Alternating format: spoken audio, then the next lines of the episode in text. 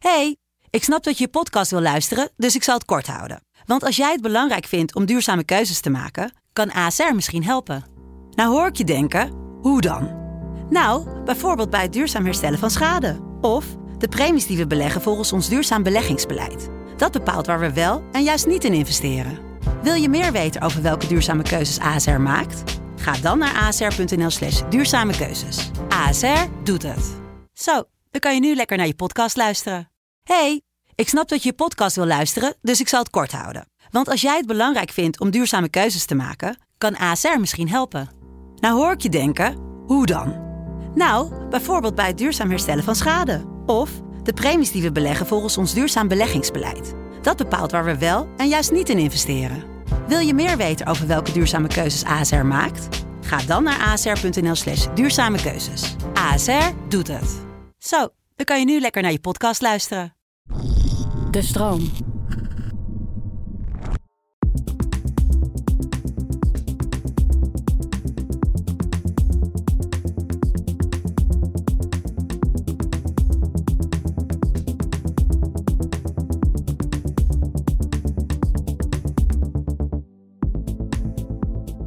Fijn dat je luistert naar de Podcast Psycholoog. Een podcast waarin ik, Marissa van der Sluis, samen met andere psychologen in gesprek ga over belangrijke onderwerpen.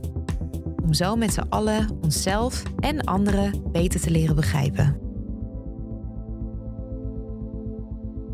Deze aflevering gaat over ingesleten patronen die niet makkelijk te veranderen zijn, maar wel regelmatig je leven beïnvloeden of op zijn kop zetten. We bespreken een aantal issues, ook specifiek voor de tijd waarin we leven, en leggen uit hoe deze patronen kunnen ontstaan. Maar we praten vooral over hoe je stapje voor stapje je eigen patronen kunt leren herkennen, los kunt laten en nieuwe gedragspatronen kunt ontwikkelen die je wel gelukkig maken.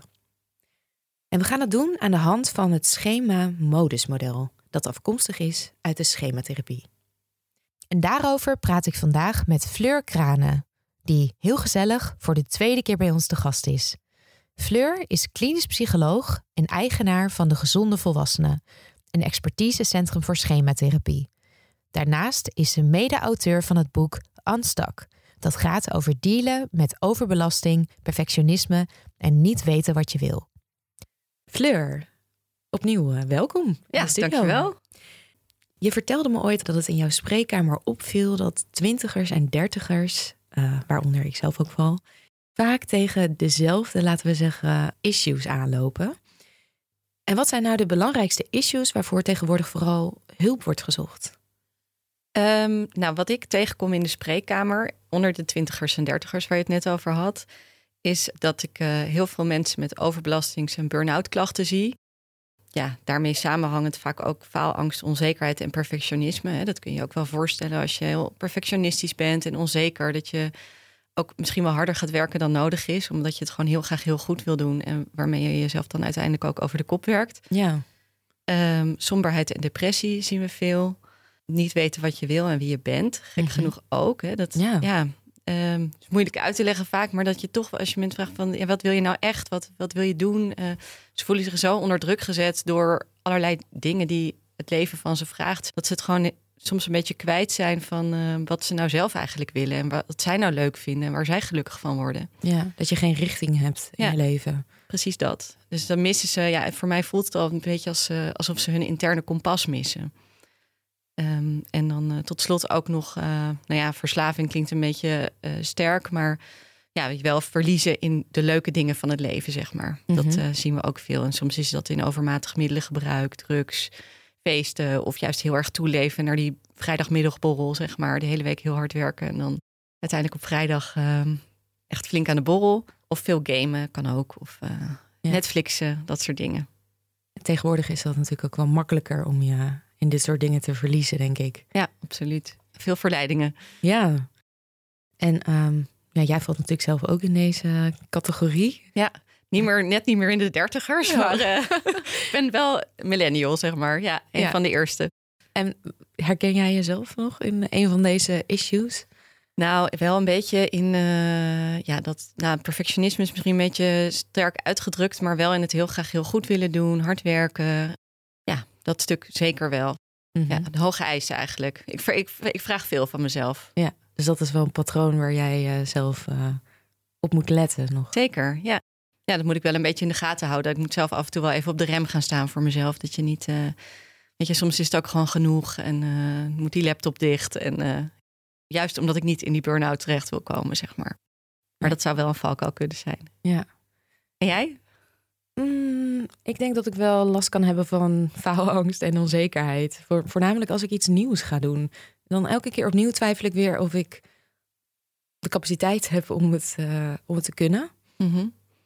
Terwijl, ja, als ik er toch van een afstandje naar zou kijken, dan heb ik best wel bewijzen dat ik het zou kunnen. Maar dat voelt helemaal niet zo op dat Hm. moment.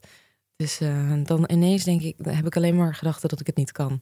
En inmiddels accepteer ik ook dat het iedere keer weer de kop opsteekt als ik Mhm. met iets nieuws ga beginnen. En eh, ja, luister ik er ook niet meer zo goed naar. Nee, dus je hebt voor jezelf wel een manier gevonden om ermee om te gaan. Ja, gelukkig wel. Ja. Al zou ik dit ook niet kunnen doen, want ik moet heel veel nieuwe dingen doen. Ja, een hele spannende dingen ook, toch? Ja, klopt. Ehm, we gaan het vandaag hebben over het loslaten van negatieve patronen. Ja, voor wie is deze podcast bedoeld?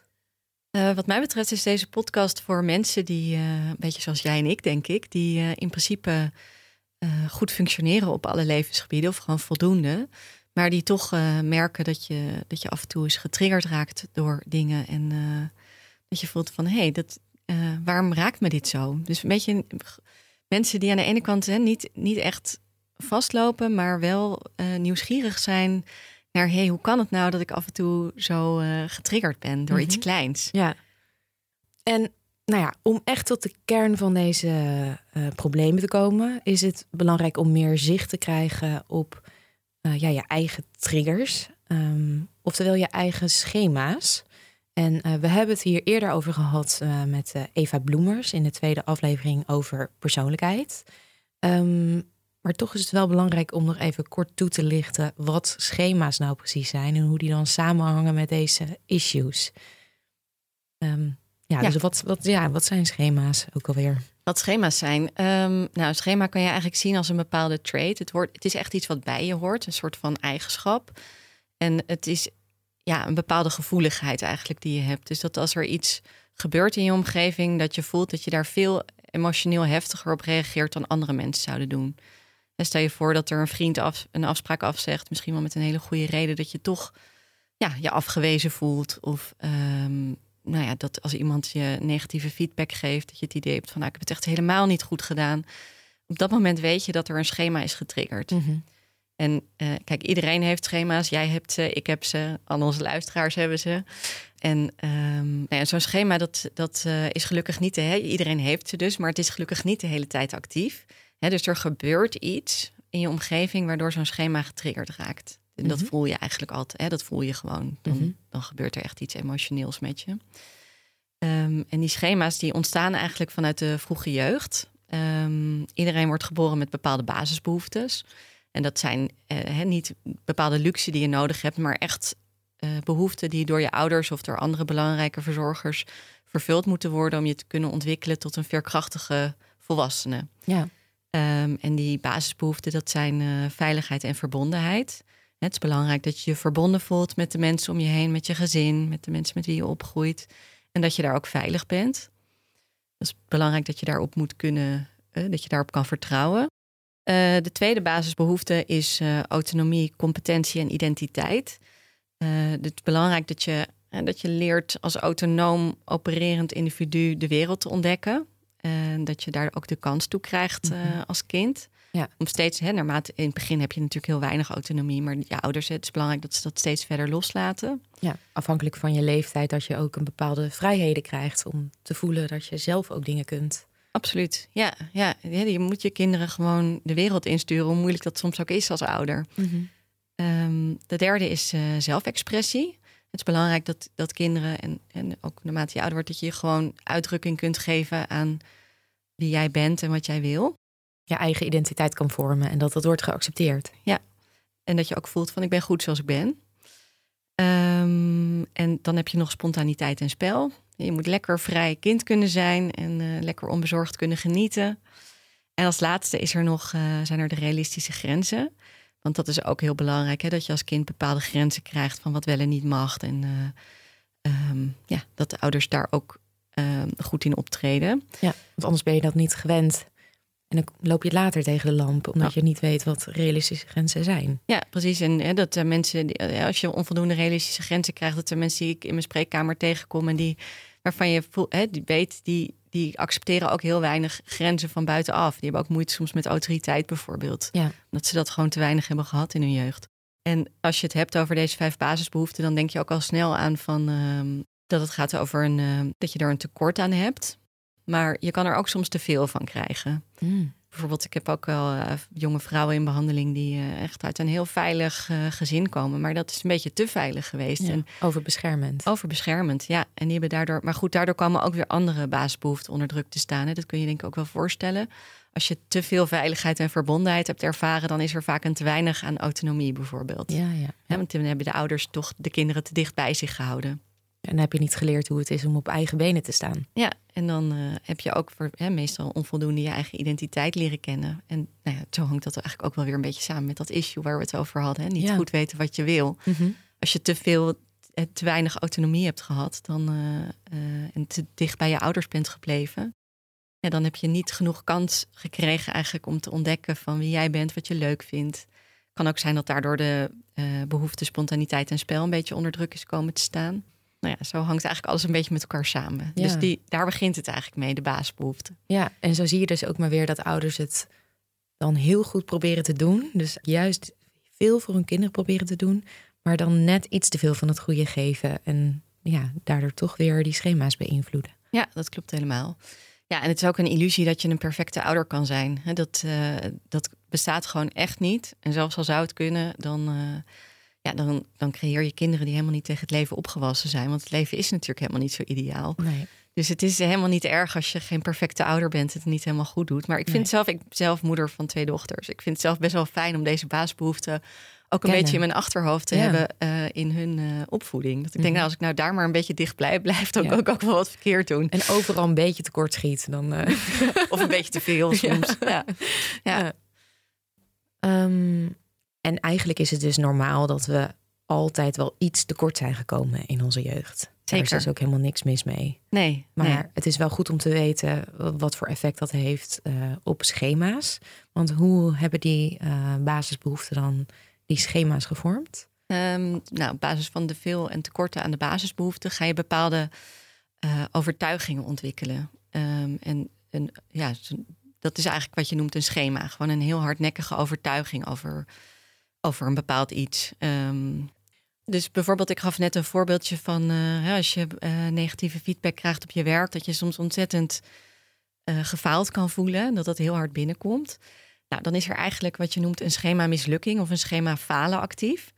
Ehm, hè, je voelt, voelt van, oh, ik heb het ook weer niet goed gedaan. En dat kan dan voortkomen uit bijvoorbeeld dat je een tekort aan de basisbehoefte veiligheid en verbondenheid hebt gehad, maar dan op een heel specifiek punt. Hè. Het kan wel dat je uit een heel veilig en prettig gezin komt, maar dat er toch heel veel nadruk werd gelegd op goed presteren en ehm, ja, hoge eisen stellen aan jezelf. Misschien heb je ouders die allebei een universitaire opleiding hebben gedaan en heel succesvol zijn en een, groei je op in een omgeving waar, waar de lat gewoon heel hoog leg, eh, Mhm. wordt gelegd. En dat Ja. is toch, eh, hoe goed ouders het ook bedoelen, hè, die willen vaak hun kind stimuleren. Je krijgt toch eigenlijk mee van eh, hè, dat je het gewoon heel goed moet doen Ja, om succesvol te zijn beter- in het leven. Dat het altijd beter kan. En het kan altijd beter, ja. Ja. ja. En dat neem je dan mee en dat, dat suddert een beetje onder de oppervlakte. En kan dan ineens door een kleine opmerking van feedback ehm, ja, naar boven komen, worden getriggerd. Ja, eigenlijk ontwikkel je hè, die schema's, maar eh, dus het is vaak een soort klimaat waarin je opgroeit van een, eh, een teveel of een tekort. Maar er zijn vaak ook wel echt van die kerngebeurtenissen die eraan ten grondslag liggen. Dus ehm, ik denk dat iedereen wel herinneringen heeft aan vroeger van aan hele kleine gebeurtenissen die toch ontzettend veel impact hebben gehad. Dat je een keer niet uitgenodigd werd op een kinderfeestje als enige bijvoorbeeld. Of ehm, dat je een onvoldoende haalt, haalde en dat je dat zelf al heel erg vond. En dat je dan ook nog eens een keer op je kop kreeg van je, van je moeder of zo. Hè? Ja, Dat, je, ja.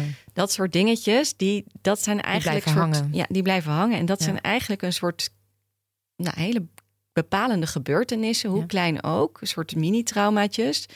die ervoor zorgen dat je, hè, dat je die schema's gaat ontwikkelen. Mhm, Ja, en, En dat dan- gebeurt onbewust, maar die zijn wel heel sterk. Die zijn heel sterk, ja.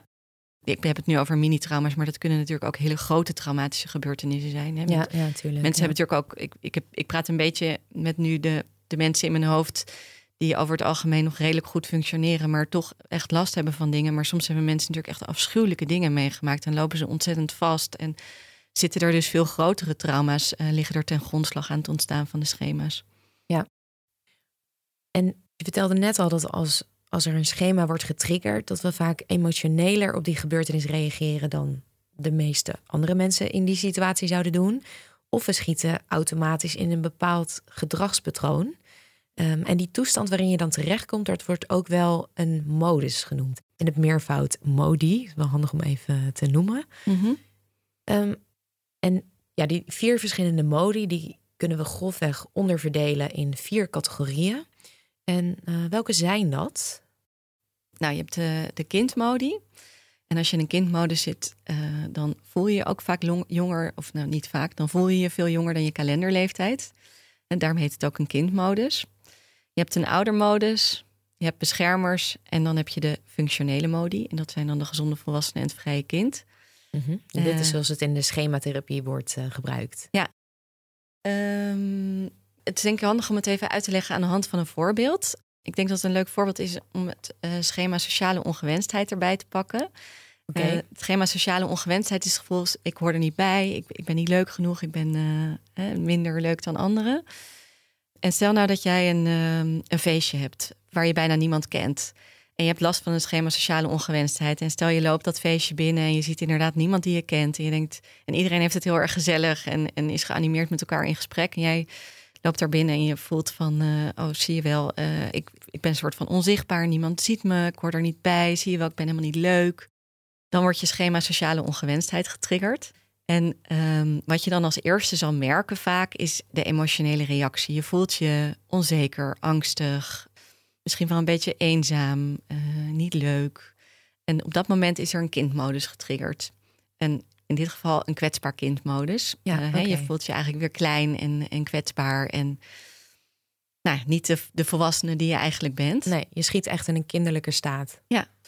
Ehm, nou, op dat moment is dus een kwetsbaar kindmodus getriggerd. En ehm, het lijkt er natuurlijk op dat het de situatie die kindmodus triggert. Hè? Dat feestje waar je niemand kent. Maar ja, iemand zonder sociale ongewenstheid en iemand met een beetje een vlotte babbel en een grote bek misschien, die, die heeft er helemaal geen last van. Die Nee. komt gewoon lekker binnenlopen en die, eh, die spreekt de eerste de beste aan ja. bij de bar of zo. Je vindt het leuk om nieuwe mensen te leren kennen. Ja. Precies, ja. Zit daar geen spanning bij. Die voelt er geen spanning bij. Of, hè, die, of meer een soort positieve spanning van... hey, leuk, ik ben nieuwsgierig. eh, eh, fijn hè, dat ik niemand ken. Ik kan allemaal nieuwe mensen leren kennen. hè. Die mensen heb je ook. Ja, die, Ja. Dat herken ik zelf wat minder. Maar eh, ehm, Die zijn er zeker. Die zijn er zeker, Ja. ja, absoluut. En ehm, hè, dus je voelt eigenlijk je, je klein en onzeker. Kwetsbaar kind. En het is dus niet de situatie dat, die dat veroorzaakt... maar het is eigenlijk een oudermodus die dat veroorzaakt. En een oudermodus kun je zien als een innerlijke criticus... Mhm. Je kent allemaal die stem die, die een soort van negatief eh, commentaar eh, levert op je Ja. leven continu. Die ken ik wel. Jij ook? Ik ken hem zeker, ja, absoluut. Het is vaak ook een beetje de geïnternaliseerde stem van een van je ouders, van je moeder of van je vader, maar het kan ook van een leraar zijn. Het kan ook zijn dat het niet per se iemand is, maar vaak herken je wel dat je denkt: oh, het is net de stem van nou, mijn moeder of zo. Ja. Ehm, nou ja, dus het is niet de situatie die dat veroorzaakt, maar de oudermodus. En oudermodus levert dus een soort commentaar. Zie je wel, niemand vindt je leuk, hè, niemand ziet je staan. eh, dat soort nare boodschappen vuurt zo'n oudermodus dan op het kwetsbaar kind af. ja. Waardoor je alleen nog maar slechter voelt. Waardoor je alleen maar slechter voelt. Ja, dus als je dat hè, innerlijke commentaar de tijd hoort, dan voel je je natuurlijk hartstikke belabberd. Ja, het gaat in ieder geval niet helpen om, eh, om wel contact te maken en een leuke avond te hebben. Nee, absoluut niet. Nee.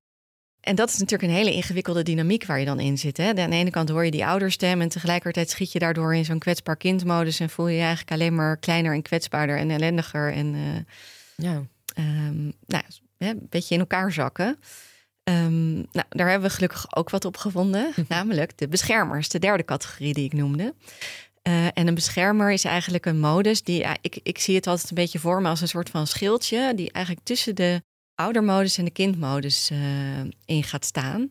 zodat de ouderboodschappen niet bij het kwetsbaar kind aankomen. En op zo'n feestje ligt er natuurlijk eentje behoorlijk voor de hand en dat is flink eh, aan de borrel gaan. Ja. Dat, dat noemen we een onthechte zelfzusser. Um, en dat is, uh, hè, dan, dan voel je even niet. Ja. Die beschermers die, die blokkeren eigenlijk die ouderboodschappen zodat die niet bij kwetsbaar kind aankomen. Maar eigenlijk wat je doet is gewoon even niet voelen. Hè, waardoor, je, waardoor je even niet voelt dat je onzeker bent. En uh, hè, soms kun je jezelf daarbij ook nog een beetje opblazen. Dat je uh, en gaat drinken en uh, een beetje tegenovergestelde gaat doen van wat je eigenlijk voelt. Van nou, ja. ik vind het gewoon heel leuk, ik kan dit prima. Goede verhalen over vertellen ja, aan ik anderen. ben sociaal genoeg. Ja. En dan ga je ook nog een beetje in een zelfverheerlijker, zoals we dat noemen. Ja. En die beschermers, dat zijn overlevingsmodi. Die hebben we nodig ook. Hè. Zonder beschermers, hè, er zijn er een hele hoop, uh, kunnen we ons ook niet staande houden. Alleen als je altijd in zo'n beschermer schiet en altijd, nou, vaak heb je wel een beetje je voorkeursbeschermers. Als je daar altijd in schiet, dan, um, ja, dan, dan kan je er vast in komen te zitten. Dan kan je, kom je er vast in te zitten. En dan ga je dus last krijgen van die beschermers. Want, ja, dan durf je niet meer zonder. Precies. En die beschermers, wat ze eigenlijk allemaal met elkaar gemeen hebben, is dat ze op de korte termijn wel voordelen opleveren. Ja. ja op, op, in het, tijdens dat feestje, uh, nou ja, helpt het je om die situatie te overleven en je niet al te ellendig te voelen. Nee, je maar gewoon even klemzuipen en uh, dan toch wat leuks van maken. Precies. Maar langer termijn zit je dan ook aan vast. Ja, dus je kan er een uh, middelenprobleem door ontwikkelen. Of uh, ja, als je in zo'n zelfverheerlijker zit en een beetje ja, loopt te doen van opscheppen. Ja, van kijk mij eens even tof zijn. Ja, jij voelt je misschien wel even beter, maar je maakt er meestal geen vrienden mee. Nee. Um, dus dan kun je op de lange termijn ook daar ook juist wel weer eenzamer door gaan voelen als je dit te vaak doet. En dan bevestig je weer die gedachten die je hebt over Precies. jezelf, die uh, kritische stem. Ja. Kritische ja. oudermodus. Ja, dus soms kan het ook echt zijn doel voorbij schieten. En wat ook een belangrijk nadeel is, omdat je eigenlijk niet voelt, je staat niet in contact met je gevoel, uh, heb je ook geen echte verbinding met jezelf. Hè? Dus niet met je eigen onzekerheid, maar ook niet met anderen. Want als jij in zo'n beschermer zit, ja. dan ja, dan ben je toch een beetje aan het overleven. En heb je niet, ervaar je niet echt connectie. En voel je Nee. dus vaak toch ook heel erg eenzaam. En zeker op zo'n feestje, als we dat voorbeeld willen pakken, waar je eigenlijk juist graag die verbinding wil voelen met anderen. Ja, lijkt het wel alsof je een sociale babbel, leuke avond hebt. Maar eigenlijk voel je je helemaal niet zo Nee. verbonden met die mensen om je heen. Want je hebt een muurtje om je heen gebouwd en mensen kunnen je daardoor niet echt bereiken. Ja. En jij de anderen ook niet. Klopt, precies dat. Ja. Dus ze helpen je om de situatie te overleven, maar ze brengen dus ook behoorlijk wat nadelen met zich mee. En voor een keertje is dat natuurlijk helemaal niet erg. Maar als je, hè, de, dat is wel vaak ook waar mensen ontzettend veel last van kunnen krijgen, van die beschermers. En waarvoor ze vaak ook hulp zoeken bij mij. Ja. Dat ze zeggen van, eh, ik ben zo aan het pleasen of eh, ik weet niet goed wat ik wil. Als je het maar aanpast en pleest aan anderen, dan, dan weet je ook vaak niet meer zo goed wat je wil. We hebben ook nog bijvoorbeeld een perfectionistische overcontroleerder. Hè? Die mensen die alles echt super goed willen doen, alles helemaal naar hun hand willen zetten. Ehm, Zodat en- ze geen kritiek kunnen krijgen van anderen. Precies, Ja. ja. ja, En dan, eh, dan werk je jezelf over de kop. Ja. Ehm, nou ja, zo, zo heb je allerlei eh, beschermers. Dus daar komen die issues grotendeels ook vandaan. Doordat je vastzit in je beschermer. Ja. Om maar niet die kritische of straffende boodschappen te hoeven horen. Ja. En in je kwetsbare of boze kind eh, te hoeven schieten. Ja. Want je, je hebt twee kindmodi. Ja. Eentje daarvan is het kwetsbare kindmodus. Daar hebben we het over gehad. En één ook boze kindmodus. Klopt. Goed dat je die ook nog even noemt. Dat is ook een hele belangrijke modus. Eh, als je in een boos kindmodus zit, dan voel je je even weer gewoon heel boos als een kind. Een beetje zo dat stampvoetende kind in de supermarkt wat geen snoep krijgt. Ja, ja. Alleen gaat het bij ons volwassenen niet over dat soort dingen natuurlijk. Maar het gaat eigenlijk altijd over behoeften die niet vervuld worden. Dus als je, als je van binnen een beetje dat stampvoetende gevoel voelt... Je hoeft niet altijd daadwerkelijk boos te worden, je kunt het ook gewoon voelen... dan weet je eigenlijk altijd van... hé, er is een bepaalde behoefte die niet wordt vervuld. Stel nou, je, hè, een vriend van je zegt een afspraak af op het laatste moment... met een hele goede reden. Hè? De reden namelijk dat zijn vader in het ziekenhuis is opgenomen... Dan, eh, dan snap je echt wel dat dat een hele legitieme reden is. Maar Ja, kun je toch rationeel gezien. ja, rationeel gezien, maar kun je toch boos worden. Zo van, ja, zie je wel, eh, ik word weer in de steek gelaten. Ja. Eh, ik sta er weer alleen voor. En dat soort, dat zijn een beetje van die boos kind eh, gedachten. Ja. Het is misschien ook wel goed om nog even te benadrukken dat je hem moet onderscheiden van een boze beschermer. Die heb je ook nog. Dat is een type beschermer. Een boze beschermer is veel onderkoelder. Dus een boos kind is echt emotioneel boos. Een beetje echt dat stampvoetende gevoel wat ik al zei. En een boze beschermer is veel afstandelijker. Dus die, stel nou dat je in dat voorbeeld van die vriend die afzegt... een, uh, een boze beschermer zou hebben en geen boos kind. Dat kan ook. Mhm. Maar dan zou de boosheid meer zijn van... nou, weet je wat, dan rot je toch gewoon lekker op. Weet je, zoek het lekker uit met je vader. Uh, ik, uh, ik hoor wel weer als je weer een keer tijd voor me hebt. Ja, ja dan is die boosheid meer een middel om afstand te nemen. Ja, ja om je te beschermen. Hè? Om, het is een soort harnasje wat je dan aantrekt. Ja. En laten we ook nog even specifiek ingaan op welke ondermijnende oudermodi er dan nog zijn. Mm -hmm. um, de eerste is de veel eisende oudermodus. En ja, wat voor boodschappen geeft die oudermodus? Ja, dat is een oudermodus die je eigenlijk onder druk zet om beter te presteren. Die hoge eisen aan je stelt van hè, het moet beter, het is niet goed genoeg, jij bent niet goed genoeg. Uh, de, ja, het gaat vaak ja. over prestaties. En de straffende oudermodus die gaat nog een stukje verder. Klopt. Denk ik. Ja, de straffende ouder die zegt echt nare dingen tegen je. Van je bent niet goed, je bent niet leuk. Echt een beetje over wie jij bent als mens. Mm -hmm. Heel afwijzend. Heel afwijzend, ja. Die is echt nog een tandje naarder. Ja. ja. En dan tot slot heb je de schuldindicerende oudermodus. Dat mm -hmm. is een oudermodus die jou vooral heel schuldig laat voelen over van alles en nog wat. Ja, klopt. Ja, en meestal herken je die ook uh, omdat je je schuldig voelt ergens over.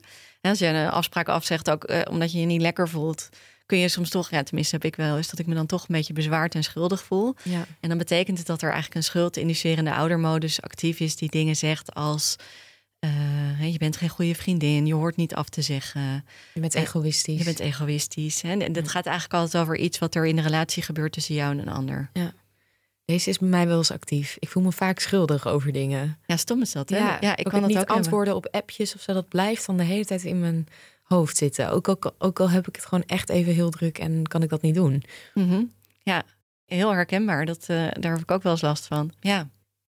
En hebben we het net al eventjes gehad over de vermijders, die ook vaak dienen als beschermers. Mm -hmm. Ja, bijvoorbeeld uh, de onthechte zelfsusser, mm -hmm. dat, zo wordt dat genoemd. Dus dat ja. je bijvoorbeeld het op een rinken zet om uh, ja, dat kwetsbare maar niet te hoeven voelen. Mm -hmm. Zijn er nog andere manieren waarop we kunnen vermijden? Zeker, ja. Nee, dat, hè, dat past bij de onthechte zelfsusser. En de, dat zijn eigenlijk allerlei dingen die je kan doen om je lekker te voelen in plaats van uh, uh, slecht. Ja. Dus het gaat over, hè, je kan alcohol gaan drinken, drugs gebruiken, maar je kan ook gaan Netflixen, je kan ook heel erg hard gaan sporten.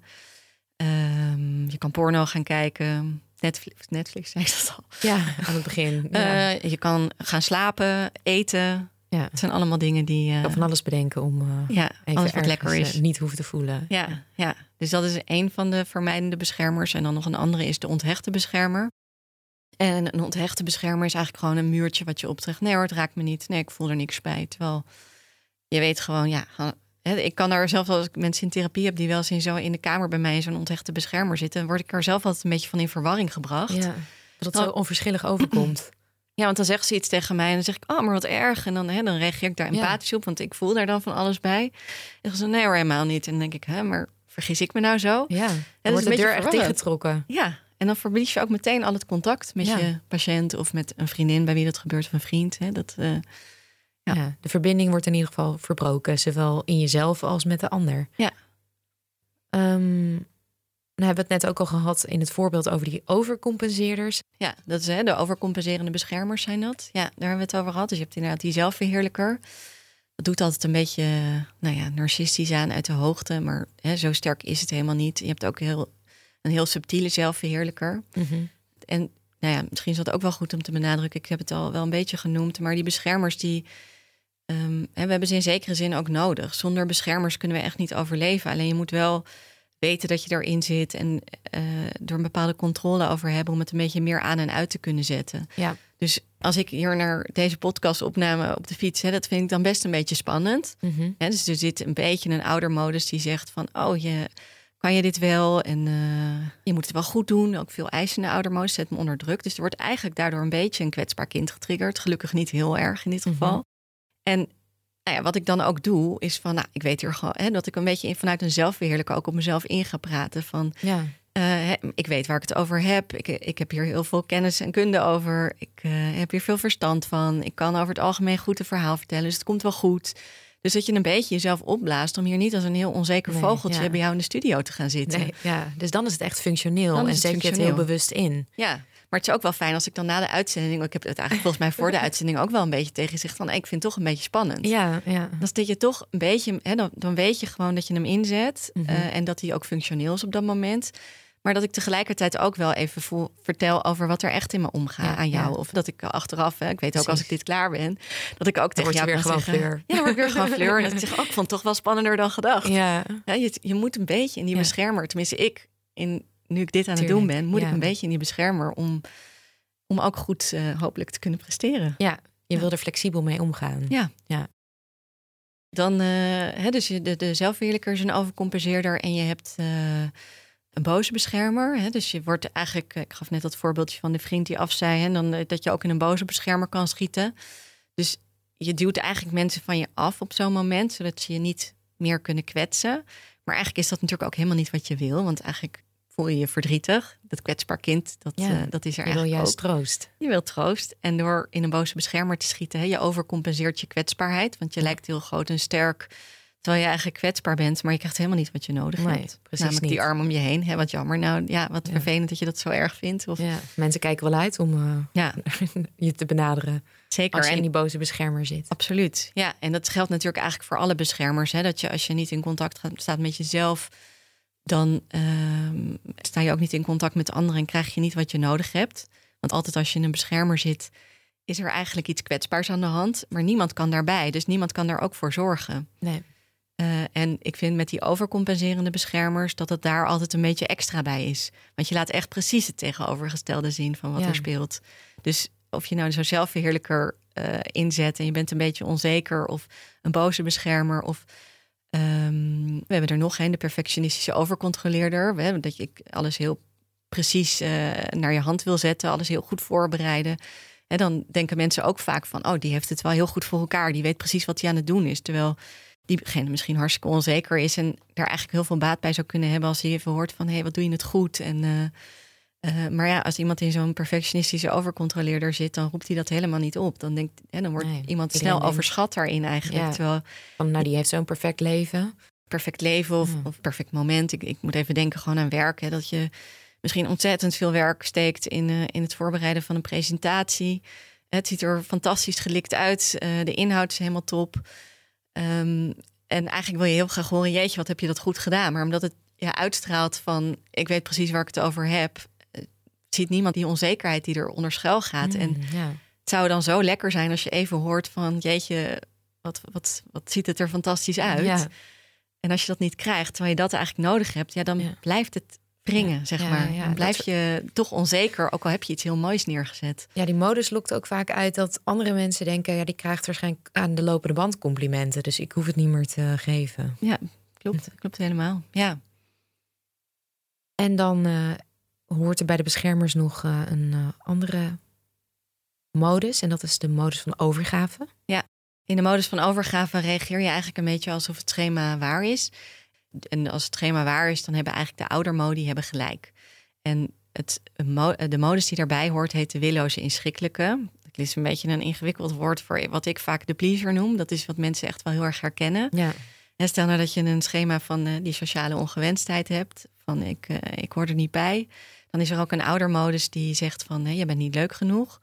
En wat een pleaser dan gaat doen, die gaat doen alsof die oudermodus gelijk heeft. Die denkt, oh, ik moet iets extra's meebrengen om erbij te horen. Dus die gaat zich, nou ja, eigenlijk een beetje klein maken en ondergeschikt maken aan wat de ander wil. Mhm. dus die gaat zich aanpassen en pleasen en eh, misschien wel onvrijwillig dingen doen die, eh, nou, die je helemaal niet leuk vindt. Of, nee, eh, jezelf helemaal opofferen voor de ander. Ja, precies. Dan verlies je dus ook waar je zelf behoefte aan hebt. Ja, dus degene inderdaad, als we even teruggaan naar die issues, niet weten wat je wil, die hangt vaak samen met een sterke pleaser. Die, Ja. hè, dat je zo, ehm, ja, Gericht bent op anderen. ja, en je zo daaraan aanpast aan de behoeften van anderen, dat je eigenlijk contact bent kwijtgemaakt met wat je nou zelf wil.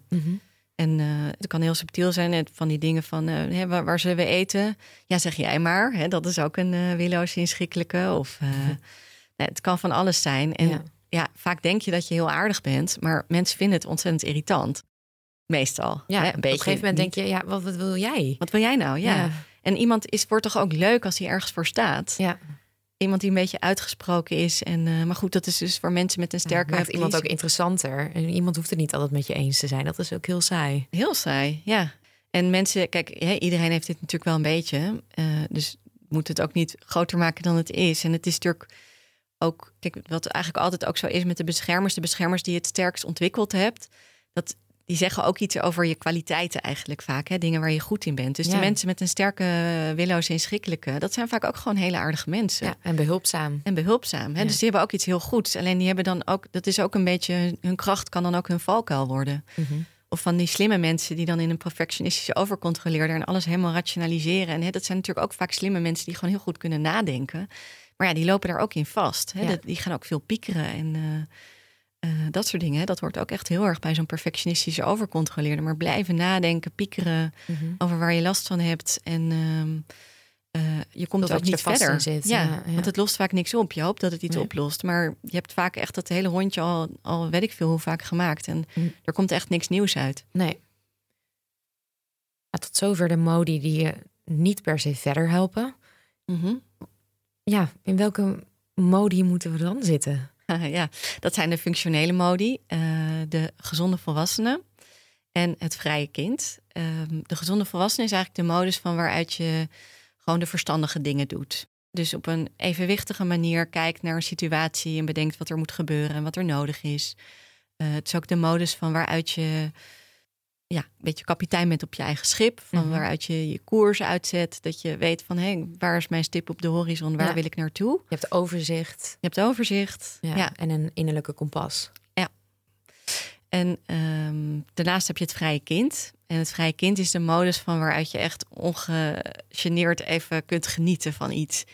Eh, de slappe lach hebben met mijn dochters vind ik echt het einde. Nou, dan vergeet ik echt even de hele wereld om me heen. Ja. Of eh, nou, als ik aan het skiën ben, dan ben ik ook echt even Ja. helemaal Compleet eh, in het moment. in het moment, mindful, echt aan het genieten.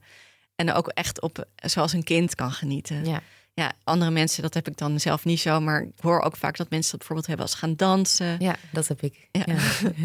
Dus eh, hè, dat, eh, ja, dat, zijn, dat zijn echt de vrije kind. Maar het is ook de modus van waaruit je, en dat vind ik ook heerlijk om te doen trouwens, gewoon kan fantaseren over van alles. Van Ja. waar wil ik naartoe op vakantie? Wat Oh, vind ik leuk? Waar Leuke ik dingen bedenken die in de toekomst staan te Zeker, gebeuren. ja, ja. dat, ik heb, ja, dat heb ik ook. Ja, Jij dus ook. ja, heb ik ook. Vind ik echt, en ja, daar kan ik echt Lekker veel tijd aan besteden. Ja, Ja. En ehm, nou, wat je eigenlijk wil, is dat eh, de gezonde volwassene en het vrije kind gewoon lekker groot zijn. En ik vind het ook belangrijk dat die twee samen optrekken. Want als je alleen maar gezond volwassen doet, dan, eh, ja, dan wordt het leven wel heel erg saai en, eh, en voorspelbaar en verstandig. Nou, Ja. Daar ben ik zelf niet zo'n voorstander nee, van. en daar word je ook niet gelukkig van. Zeker niet. Nou, ik niet in ieder geval. Nee. En als je alleen maar in het vrije kind zit, ja, hartstikke leuk. Maar er moet ook gewoon wat gebeuren in het leven. En dan ontspoor je. Ja. Als je in je vrije kindmodus fantaseert, ik wil eh, verhuizen naar Australië. En je doet het meteen. En je doet het meteen. Ja, dat is niet heel handig. Nee. Terwijl, als je, terwijl het vrije kind in combinatie met de gezonde volwassene, dat is juist wel echt een heel goed duo. Want dan zou de gezonde volwassene misschien denken van nou, meteen al je schepen achter je Ja. verbranden en naar Australië verhuizen is niet zo handig. Maar Welke stappen kan ik zetten Welke om ja, deze droom uit te laten komen? of die te gaan onderzoeken. Dus Ja. van misschien moet ik eerst eens eh, op vakantie naar Australië. Ja. Om eens te kijken hoe ik het daar vind. En eens te gaan onderzoeken wat er allemaal voor mogelijkheden zijn. Kan ik daar werken? Eh, hoe, hoe zit het met vergunningen? Waar zou ik kunnen wonen? Kan ik daarvan rondkomen? En hè, dus dat je wel echt luistert naar wat het vrije kindje ingeeft. En waardoor het je eh, inspireert eigenlijk. Maar dat je niet meteen eh, daarnaar handelt. Nee. En zo hou je het dus wel verstandig en leuk en luchtig tegelijk. Ja. En hoe doen we dat dan zoveel mogelijk in die vrije kindmodus zitten? Of ehm, in, en ja, in die combinatie, dat- in dat duo zitten van de gezonde oudermodus met het vrije kindmodus? Ehm, ja, wat daarvoor. eh, nou kijk, ik denk dat het grootste deel van ons leven, als er geen schema's getriggerd zijn, dan zitten we natuurlijk, nou, denk ik, het meest in de gezonde volwassenen. Zoals wij hier dit gesprek nu aan het voeren zijn met elkaar, zitten we in de gezonde volwassenen. Ervan uitgaande dat ik mijn eh, zelfverheerlijker een beetje heb losgelaten inmiddels en ik gewoon hier in contact met jou in de studio zit. Ik denk dat het gewoon belangrijk is om ook veel in je achterhoofd te hebben om gewoon ook veel dat vrije kind op te zoeken. En dat je ook eh, weet dat dat iets goeds is als je dat aan het doen bent. Ehm, Ja, dus het grootste deel van de tijd gaat het eigenlijk gewoon, denk ik, uh, over het algemeen heel goed. Ja. En het wordt lastig op momenten dat je voelt dat er schema's getriggerd worden. En dat merk je dus aan de hand van dat je ofwel in zo'n kwetsbaar of boos kindmodus uh, terechtkomt. Ja. Of wanneer je voelt van hey, ik zit in een beschermer. Ja. Ik heb de muur opgetrokken. Mhm. En dan wil je eigenlijk onderzoeken wat is er nou eigenlijk gebeurd? Hoe, hoe, wat is er nou getriggerd? En dat onderzoeken, dat is ook wel iets wat de gezonde volwassene doet. Hè? Want de gezonde volwassene is een soort van, ja, die moet een soort van het overzicht houden, ook over de andere modi-categorieën. Dus die moet op een gegeven moment denken van, hé, hey, wacht, volgens mij is hier een schema getriggerd, want ik merk dat ik heel erg geraakt ben. Ja. En Ja. Is belangrijk dat de gezonde volwassene dan op zoek gaat naar eh, de oudermodus. Hè? Welke Mhm. oudermodus ligt er aan ten grondslag? ja, dus dat zou stap 1 kunnen zijn als je bepaalde patronen zou willen veranderen of los zou willen laten. Ja, ja. Stap 1 is echt het leren herkennen. Ja. Dus eh, dat je dat aan de hand van dat je voelt van dat je in een bepaalde modus zit, dus eh, meestal dus of een kindmodus of een beschermer, weet je dat er een oudermodus actief moet zijn. Dan kun je die oudermodus opsporen. Soms is die niet zo heel concreet aanwezig, maar kun je hem wel een beetje destilleren aan de hand van wat je voelt in de kindmodus. Dus als jij eh, afgewezen voelt, hè, echt een kwetsbaar kindgevoel, dan kun je wel raden dat je oudermodus iets zegt als van eh, je bent niet goed genoeg. Zie je wel, je hoort er uiteindelijk als het puntje bij paaltje komt niet bij. Hè, Mhm. dan is er zoiets, moet er aan de hand zijn. Ja. Want anders zou je het niet voelen. Nee. Dus de, de oudermodus kun je eruit filteren. Je kunt nagaan wat het kwetsbaar kind voelt, welke emotie daarbij hoort. En nou ja, nagaan of er eventueel een beschermer actief is. Het hoeft niet altijd zo te zijn. Of dat je de neiging hebt om in een beschermer te schieten. Dat je denkt van, oh, ik heb nu de neiging om te gaan drinken. Ja. Maar dat dat betekent niet dat je het per se gaat doen, maar je voelt wel dat je die neiging hebt. Ja. Eh, dus dat is eigenlijk de, de eerste stap om, Ja. het, om het patroon te gaan herkennen. Om het in kaart te brengen. Ja. En het helpt om dat misschien op te schrijven na dit soort situaties, kan ik me voorstellen. Zeker. Mhm. En dan wat is dan stap 2? Ehm, stap twee is eh, dat je eigenlijk een aanzet gaat maken om eh, nou ja, dit te veranderen. En dat doe je eigenlijk door eh, vanuit de gezonde volwassenen de oudermodus tegen te spreken. Want heel vaak hebben die oudermodi ten eerste geen gelijk. En als ze dat soms al wel hebben, dan helpen ze in ieder geval niet. Nee. Dat, dus je wil eigenlijk, kijk, eh, je wil eigenlijk vanuit de gezonde volwassenen leren naar een bepaalde situatie te kijken. Mhm. Stel nou dat, ehm, dat er eh, vrienden komen eten bij je en ehm, je hebt het idee van... ik moet altijd eh, echt een fantastische, meest geweldige gastvrouw zijn. Ik moet zorgen dat er echt minstens drie gangen op tafel staan. Het moet echt, echt Perfect zijn. perfect zijn. Ja, mijn hè? huis helemaal aan kant. Ja, precies dat. Ja, dan zit je eigenlijk in de perfectionistische overcontroleerder. Misschien ook een beetje in zo'n eh, pleaser. Hè? Dat je het je vrienden helemaal naar de zin moet maken. En dat je zorgt van, oh, voor degene die vegan is, heb je weer iets aparts dan voor degene die dat niet zijn. Dus hè, je hebt je aangepast aan de wensen van iedereen. Ja. Het kost jou ook heel veel energie en moeite dan. Zeker, ja. Ja. Sommige mensen die houden tot in eh, detail bij hoe ze dat dan organiseren. Met Excel-files aan toe. Oh joh. Ja. eh, en ehm, dat je dan aan de hand daarvan, eh, hè, dus dat, dan weet je dat er eigenlijk een oudermodus actief is die iets zegt als je moet het perfect doen, anders ben je geen goede vriendin. Eh, het moet beter. Je, je kan niet, eh, niet aankomen met een stampotje. Ehm, hè, en dan wordt natuurlijk eigenlijk een kwetsbaar kind getriggerd. Ja. Want van zo'n oudermodus word je natuurlijk hartstikke onzeker. Ehm, en je neiging is dan om in zo'n perfectionistische overcontroleerder te schieten. Om, en om en ook een beetje in die willoos inschikkelijke de pleaser. Ja. Ehm, nou, dan kun je dus aan jezelf afvragen van... heeft die oudermodus gelijk? Nou, ik denk in dit geval heeft die oudermodus ten eerste geen gelijk... want het is gewoon helemaal niet waar wat die oudermodus zegt. Nee, je vrienden vinden je ook wel goed genoeg als je gewoon een eh, simpele stampot op tafel zet. Zo is het. Ja. En ehm, dus dat, dat is aan de hand. Maar stel nou dat hij wel een beetje gelijk heeft... dan kun je ook nog afvragen, helpt het jou? Je moet je ook maar voorstellen... eh, want eigenlijk is het gewoon een ouder, een volwassen persoon... die op een nare manier tegen een klein kind praat. En je kunt je wel voorstellen, stel nou dat je een, een bergwandeling aan het maken bent... met een klein kindje en eh, dat kindje wordt op een gegeven moment heel erg moe... En jij gaat als ouder de zeggen van nou, kom op, hup, eh, het moet harder, beter. Nou, niet zeiken, even doorlopen. Het gaat niet hard genoeg. Je moet beter je best doen. Hè, Zo'n kind wordt natuurlijk helemaal ellendig als Ja. een ouder zo op je inpraat. Hè. Die, ik denk dat een kind echt de moed in de schoenen zakt om, ehm, uh, ja, door te lopen. Hè, die wordt verdrietig, die krijgt het gevoel dat hij het niet goed doet. En dat, dat is natuurlijk helemaal niet bevorderlijk voor de prestatie. Nee, En op die manier praat je in een oudermodus tegen een, een kind. en Maar tegen jezelf dus. En tegen jezelf dus Ja. eigenlijk. Ja, want dit gebeurt dus binnen in jou. En je kunt dus ook vanuit de gezonde volwassene eh, een kind aanmoedigen om het beter te doen. Hè? Dus je zou ook kunnen zeggen tijdens zo'n bergwandeling van... hey, ik eh, ben bij je. Ik, ben bij je. je. Ik hou je hand wel vast. ik hou je hand- het komt goed. Het is, je bent ook nog heel klein. Het is ook heel zwaar, maar het komt goed. We gaan even pauze nemen. eh, gaan we even uitrusten. En dan kijken we of het dan lukt om weer een stukje verder te gaan. Ik kan je ook wel even dragen. Ja. Hè, dan is zo'n kind voelt zich natuurlijk helemaal gezien en gesteund. En, en ik weet zeker dat dat kind in die tweede situatie sneller boven is dan in de eerste situatie. Ja. En in ieder geval op een betere en prettiger manier. Ja, dat ja. kind komt emotioneel veel beter bovenop die berg aan dan als het eh, zo onder druk is gezet. Ja, dat sowieso. Ja, en ik denk dat dit ook, om even hierbij aan te haken, een voorbeeld is van. Hè, soms, ik heb best wel vaak mensen ook in behandeling die zeggen: ja, maar die veel eisende ouder die helpt me ook, want die helpt me ook verder te komen. Maar ik, daar ben ik het dus helemaal niet mee eens. Nee. Want vanuit de gezonde volwassene wil je ook, voel je dat het ook belangrijk is om het beste uit jezelf te willen halen. Alleen je doet het op een hele andere manier.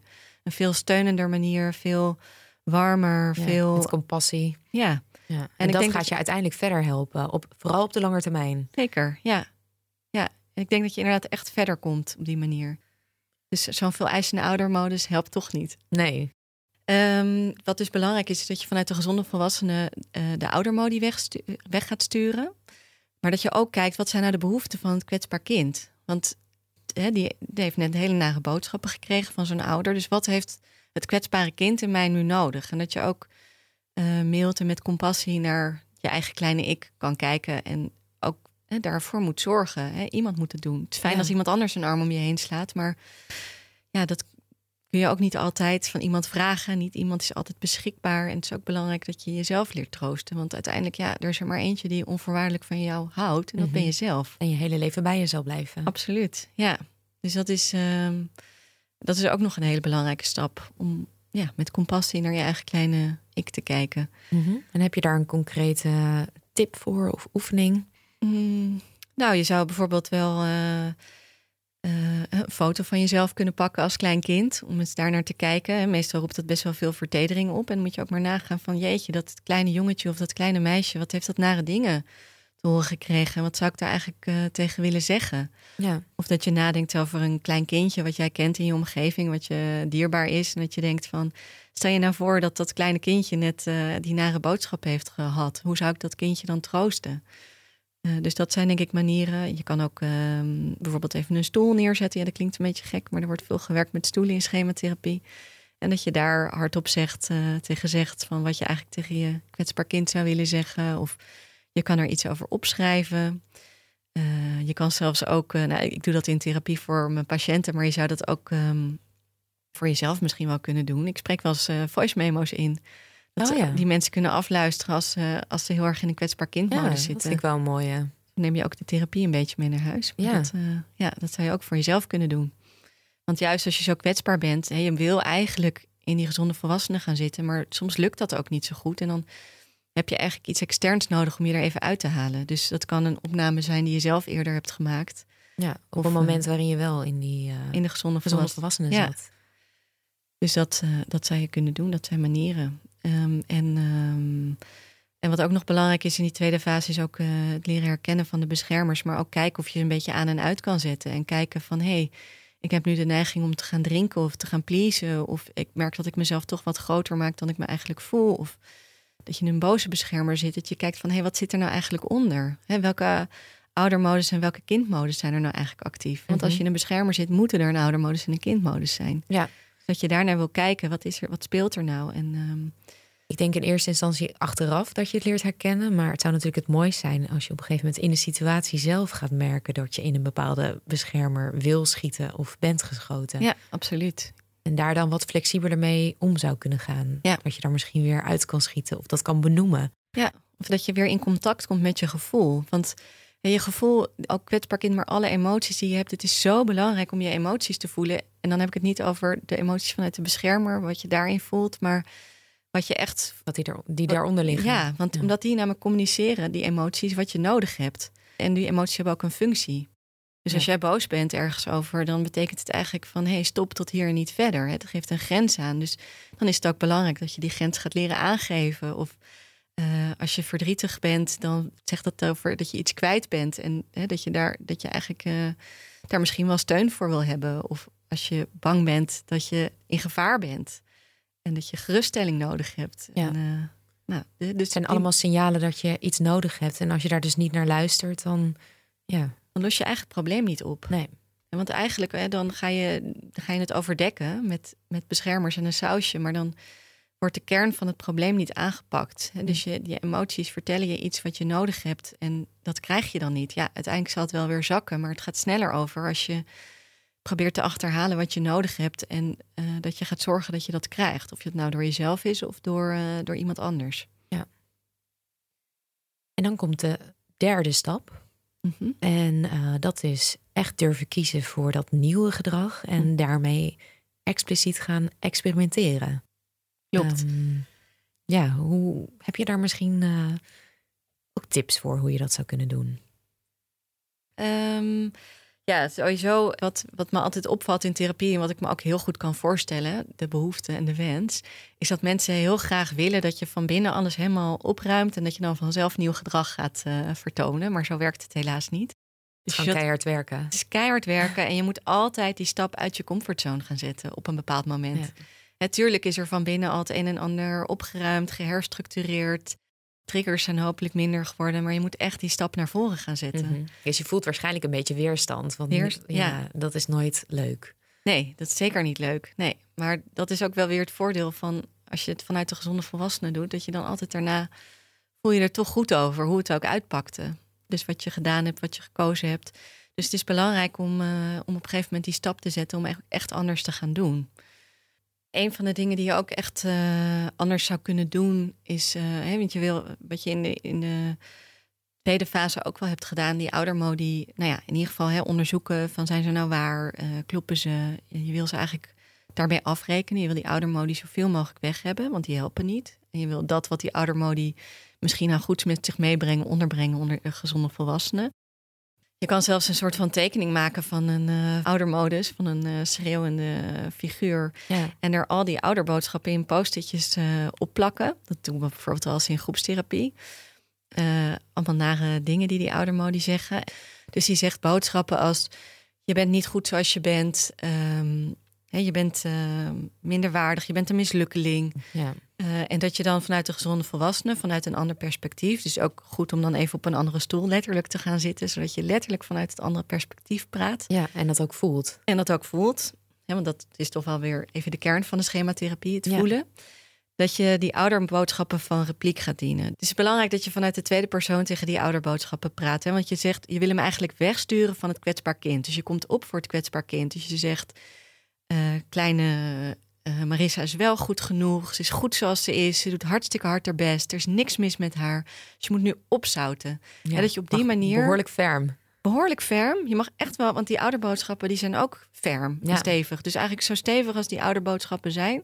zo stevig moet je ze ook tegenspreken. Ja, moet die oude man zich de deur uittrappen. Absoluut. Ja, echt. Ik zet letterlijk die ouderboodschappen vaak op een stoel in de therapiekamer. Ik zet ze ook letterlijk buiten de deur. Gewoon Ja. echt in de tuin. Hè, de, die ouderboodschappen die moeten weg. Opzouten. ja. wegwezen. Ja.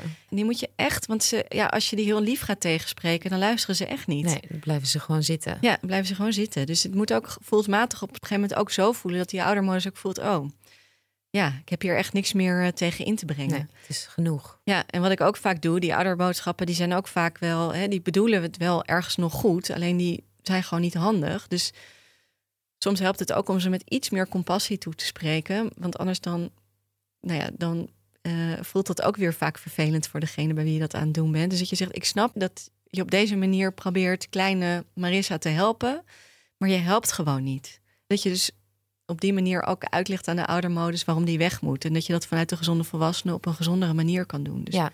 wat we net in dat eh, voorbeeldje gaven, hè, met meer compassie en eh, op een prettiger, steunende manier.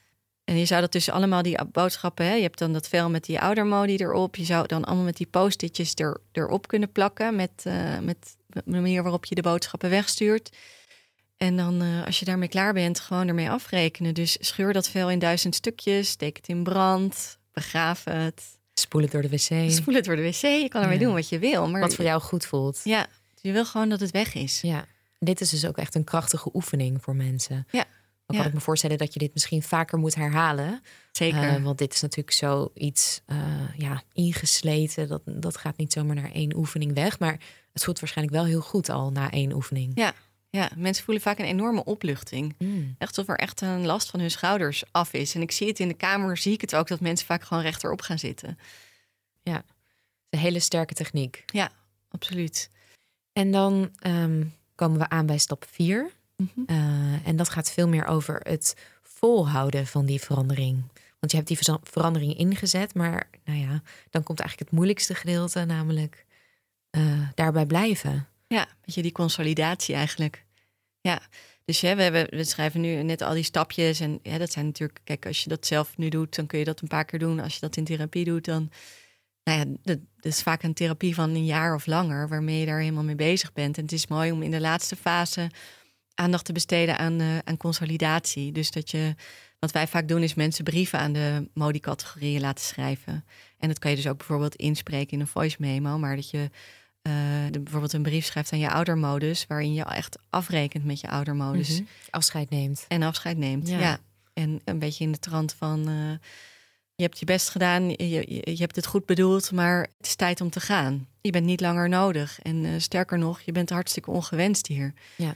Dus dat je op die manier eigenlijk een soort samenvatting maakt, ook van wat je in de vorige stappen waar je mee bezig bent geweest. En dat je dat dan nog Ja. één keer in een soort samenvatting eh, opschrijft. eh, zodat je ook iets hebt wat je altijd bij je hebt. En het is nog beter, denk ik, ook als je dat, eh, dat, je dat inspreekt voor jezelf. Zodat je dat op een mo- moeilijk moment nog eens kan terugluisteren. Ja, dat je dat altijd bij de hand hebt. Ja, en zo Als kun je dat in dus een zwak moment zit. ja.